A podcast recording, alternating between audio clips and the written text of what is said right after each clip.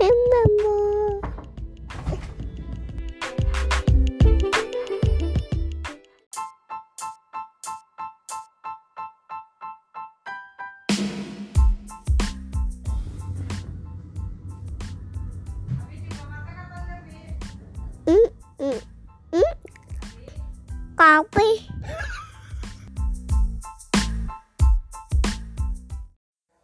Bismillahirrahmanirrahim. Assalamualaikum warahmatullahi wabarakatuh. Alhamdulillahirabbil alamin wassalatu wassalamu ala Rasulillah wa ala alihi wa ashabihi wa man tabi'ahum bi ihsan ila yaumiddin nama ba'd. Apa kabar sobat muslim semua? Semoga sobat senantiasa dalam lindungan Allah Subhanahu wa taala. Sobat muslim, kemarin kita sudah discuss tentang stres ya. Ya, Tiap-tiap manusia ya, mungkin di antara kita pasti pernah dan memiliki stres masing-masing ya. Ada banyak hal dalam kehidupan ini yang bisa menyebabkan manusia menjadi stres ya. Karena kehilangan benda kesayangan, ditinggal pergi sana family, mendapat nilai ujian yang jelek, memiliki hutang yang banyak, atau mungkin dikeluarkan dari pekerjaan dan masih banyak lainnya ya.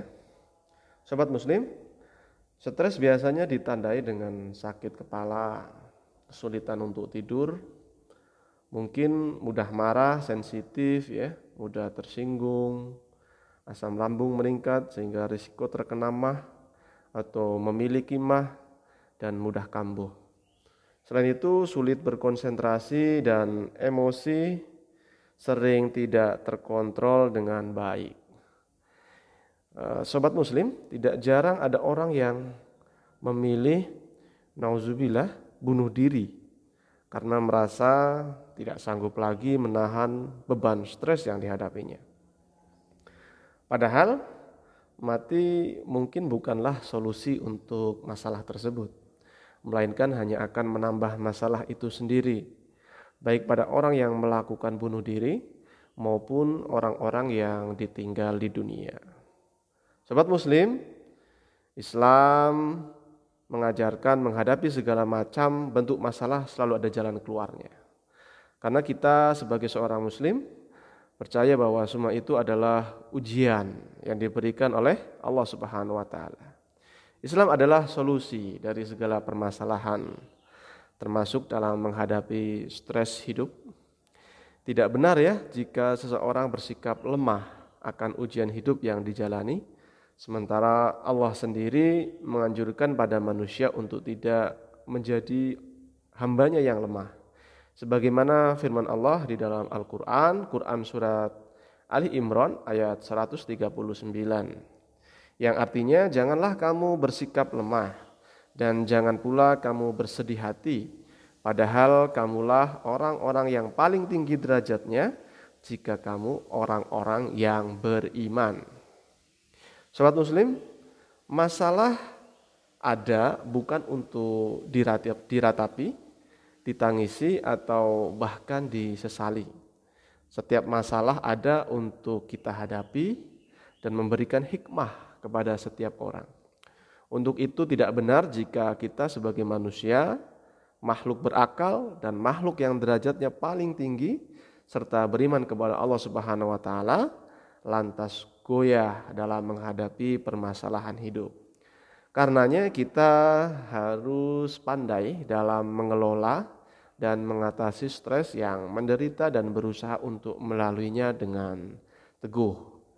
Baik, pada kesempatan kali ini saya akan memberikan sedikit tips ya dari perspektif Islam atau dari pandangan Islam mengenai cara menghilangkan stres. Yang pertama, Dasari niat dengan ikhlas.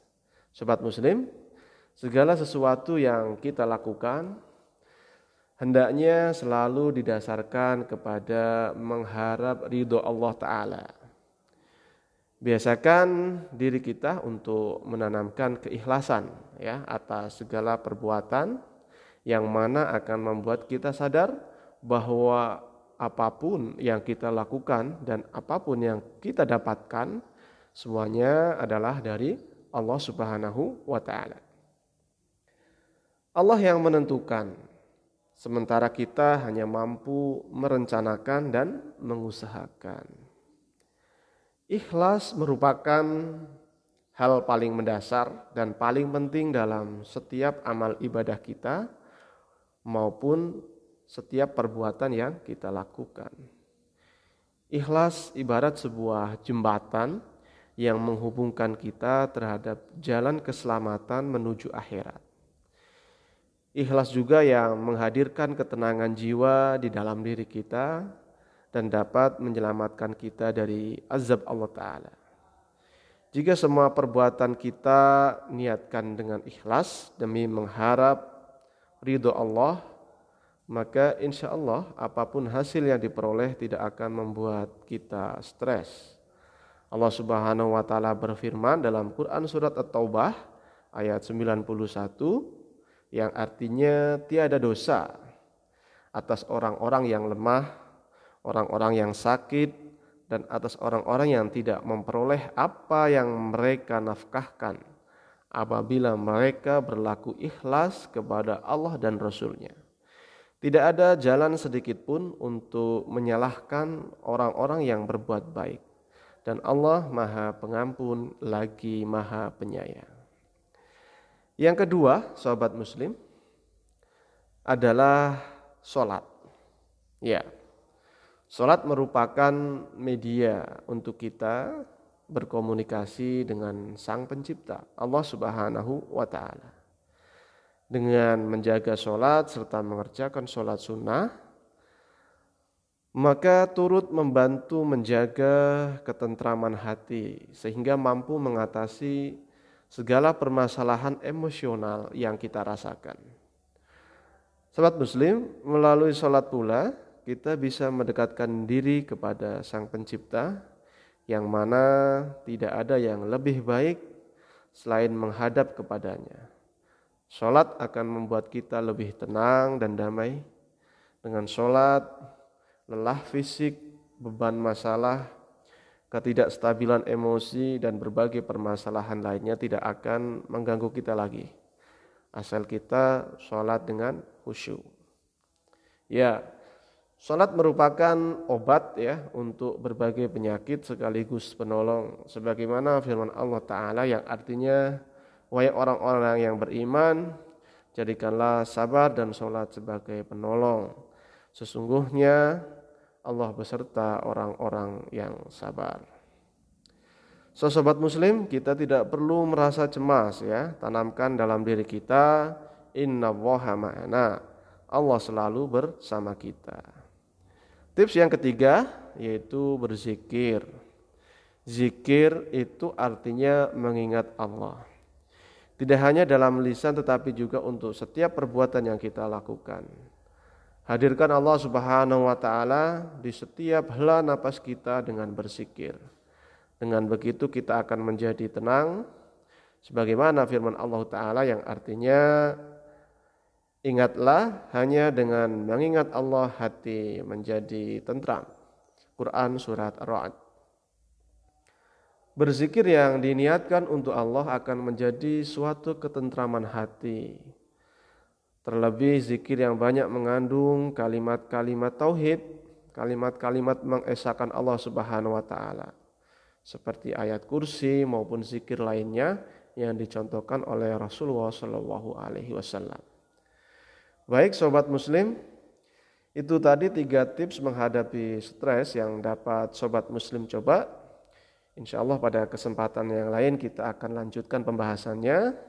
Semoga bermanfaat. Keep positive thinking.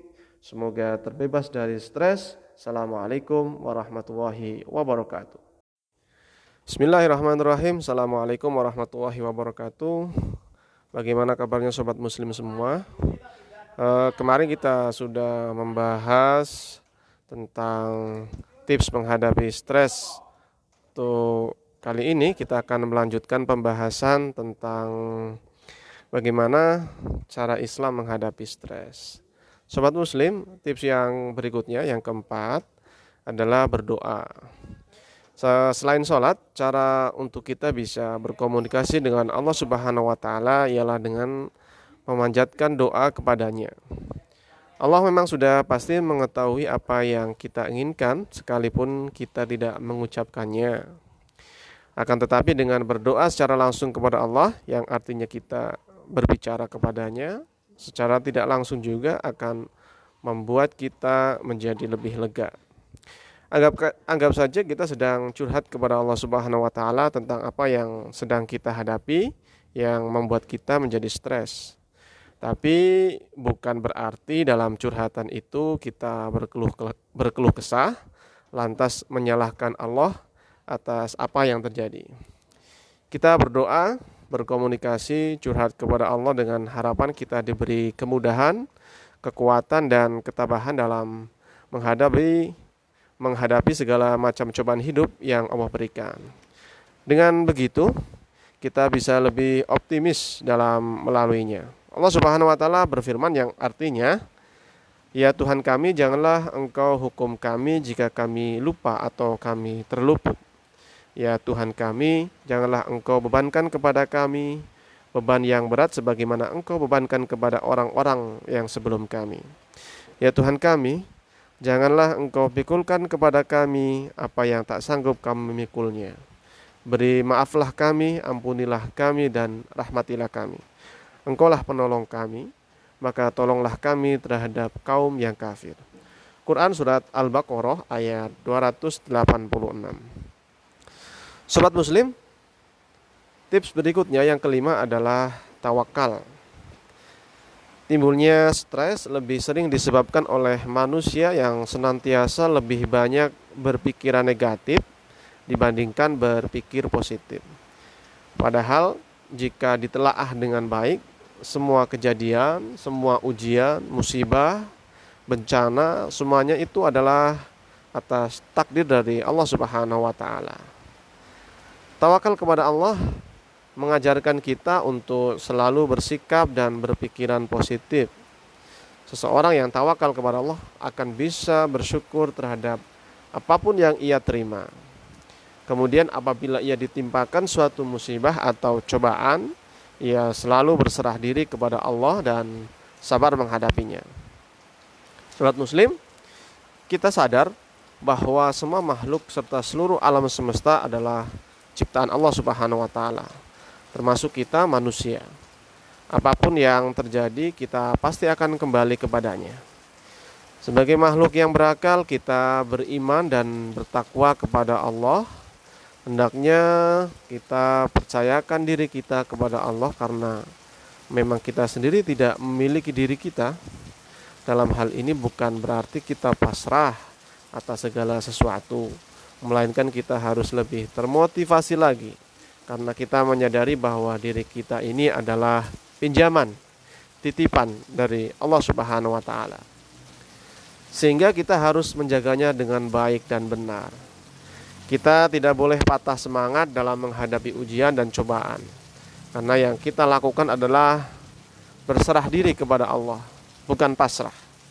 Orang yang tawakal adalah mereka yang sabar dan sadar untuk berserah diri kepada Allah sehingga ia tidak akan cemas sekalipun menghadapi masalah hidup yang sulit. Orang yang tawakal kepada Allah akan menjadi tidak mudah terkena stres Sobat Muslim, tips yang keenam adalah menjaga silaturahim. Bersilaturahmilah dengan sesama manusia.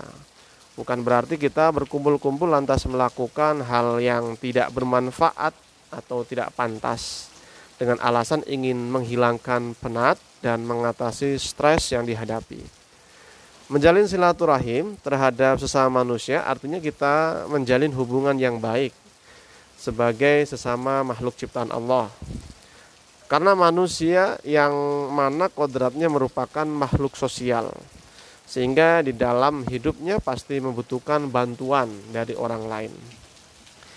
Selain itu, tidak jarang stres sendiri disebabkan oleh hubungan antar sesama manusia yang tidak baik ya. Perselisihan dan pertikaian memang terkadang tidak bisa kita hindari dalam kehidupan sehari-hari oleh sebab itu berusahalah untuk menjalin kehidupan sosial yang baik dengan didasari ikhlas mengharap ridho Allah Subhanahu wa taala. Lagi pula memang tidak ada salahnya jika kita ingin berbagi cerita terhadap sesama untuk meringankan beban pikiran kita. Dan mungkin kita bisa mendapatkan solusi dari buah pikir atau dari uh, ide orang lain sehingga cukup membantu kita mengatasi masalah. Tapi ingat, curhatan itu dilakukan asal tidak menimbulkan fitnah ya di kemudian hari atau jika kemungkinan terkandung mudarat atau bahaya di dalamnya. Maka lebih baik tidak usah diceritakan atau disimpan dalam hati kita saja. Lebih baik disampaikan langsung kepada Allah Subhanahu wa taala saja. Baik sobat muslim, eh, begitu saja ya tips pada kesempatan hari ini. Semoga bermanfaat dan semoga kita bisa menghindari stres. Assalamualaikum warahmatullahi wabarakatuh. Ini ini lupa. Nenek.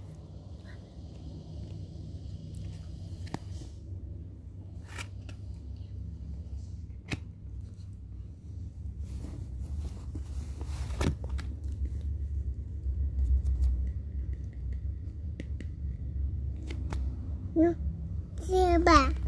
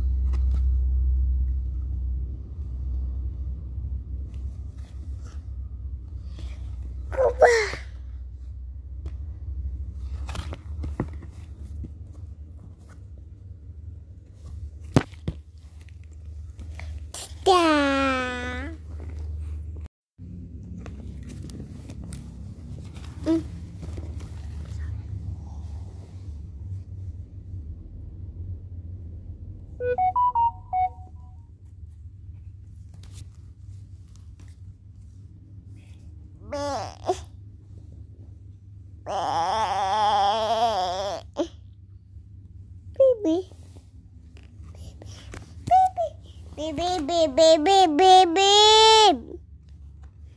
Beep, beep, beep.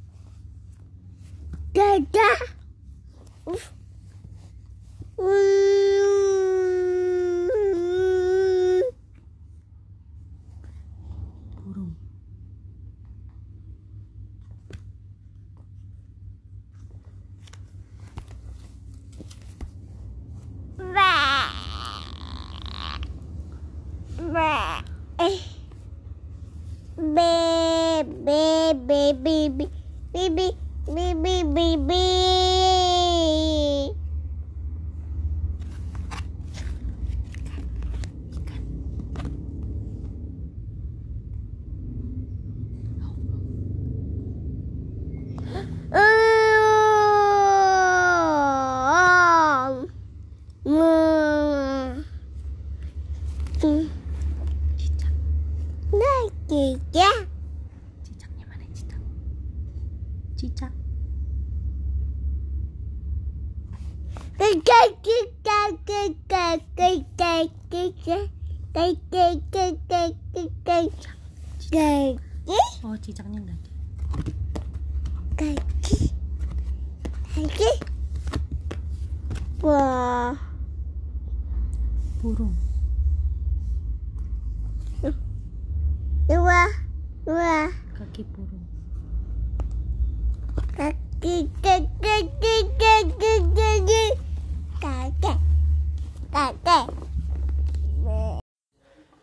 Bismillahirrahmanirrahim.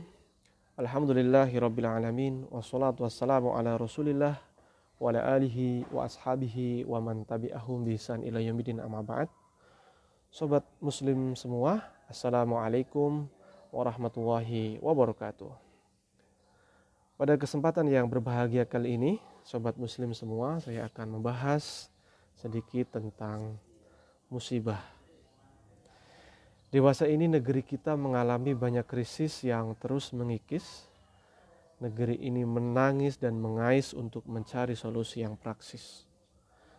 Krisis multidimensional yang menggumpal seakan kekal, terlebih lagi krisis moral dari kasus korupsi yang fenomenal sampai kasus kecil seperti maling sendal. Ujian tak pernah berhenti menimpa negeri layaknya wabah pandemi yang enggan untuk pergi. Sobat muslim semua, terkadang Allah menurunkan musibah kepada hambanya. Salah satu bentuk musibah tersebut antara lain penyakit, rasa tidak aman, atau bencana alam yang terjadi dengan cepat dan mendadak seperti gempa bumi, tsunami, dan tanah longsor.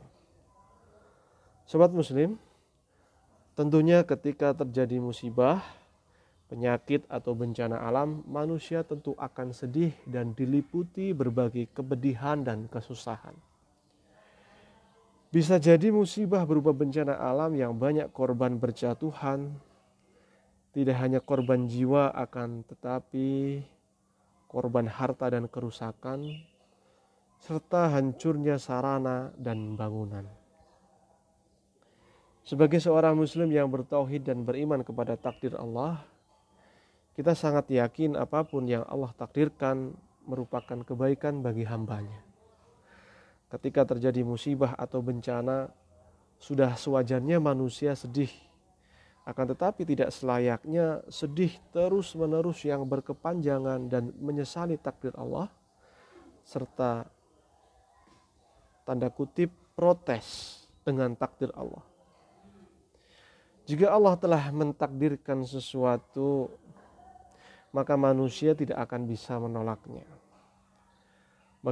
bagaimanapun kita bahas, bagaimanapun kita musyawarahkan, serta seberapa lama pun kita tangisi, takdir itu telah terjadi dan tidak akan waktu kembali ke belakang. Maka kewajiban kita selanjutnya adalah hanya bangkit bangkit berusaha menerima takdir dan meyakini bahwa takdir Allah yang terbaik bagi kita. Pasti ada hikmah di balik musibah dan pasti ada kebahagiaan sesudah kesusahan. Sobat muslim, salah satu hikmah terjadinya musibah adalah agar kita sebagai hambanya kembali kepada Allah Subhanahu wa taala. Ini merupakan dalam tanda kutip cubitan kasih sayang dari Allah kepada kita semua. Terkadang manusia lalai apabila terus-menerus diberikan nikmat dan kebahagiaan yang banyak. Kita dapati seorang ibu yang sangat sayang kepada anaknya, tentu tidak terus-menerus memanjakan anaknya dan terus-menerus memberikan apa yang anaknya mau dan anaknya senangi. Terkadang yang ibu perlu menegur sang anak, bahkan memberikan cubitan kasih sayang. Silahkan perhatikan, apakah kecelakaan itu sering terjadi pada jalan raya yang lurus dan besar, atau pada jalan kecil lagi berbatu? Tentu kecelakaan lebih sering terjadi pada jalan raya yang lurus dan besar. Demikianlah kehidupan yang kita jalani di dunia yang sementara ini. Sobat muslim, demikian pembukaan pada hari ini. Semoga bermanfaat. Saya Menari Abdillah Assalamualaikum warahmatullahi wabarakatuh.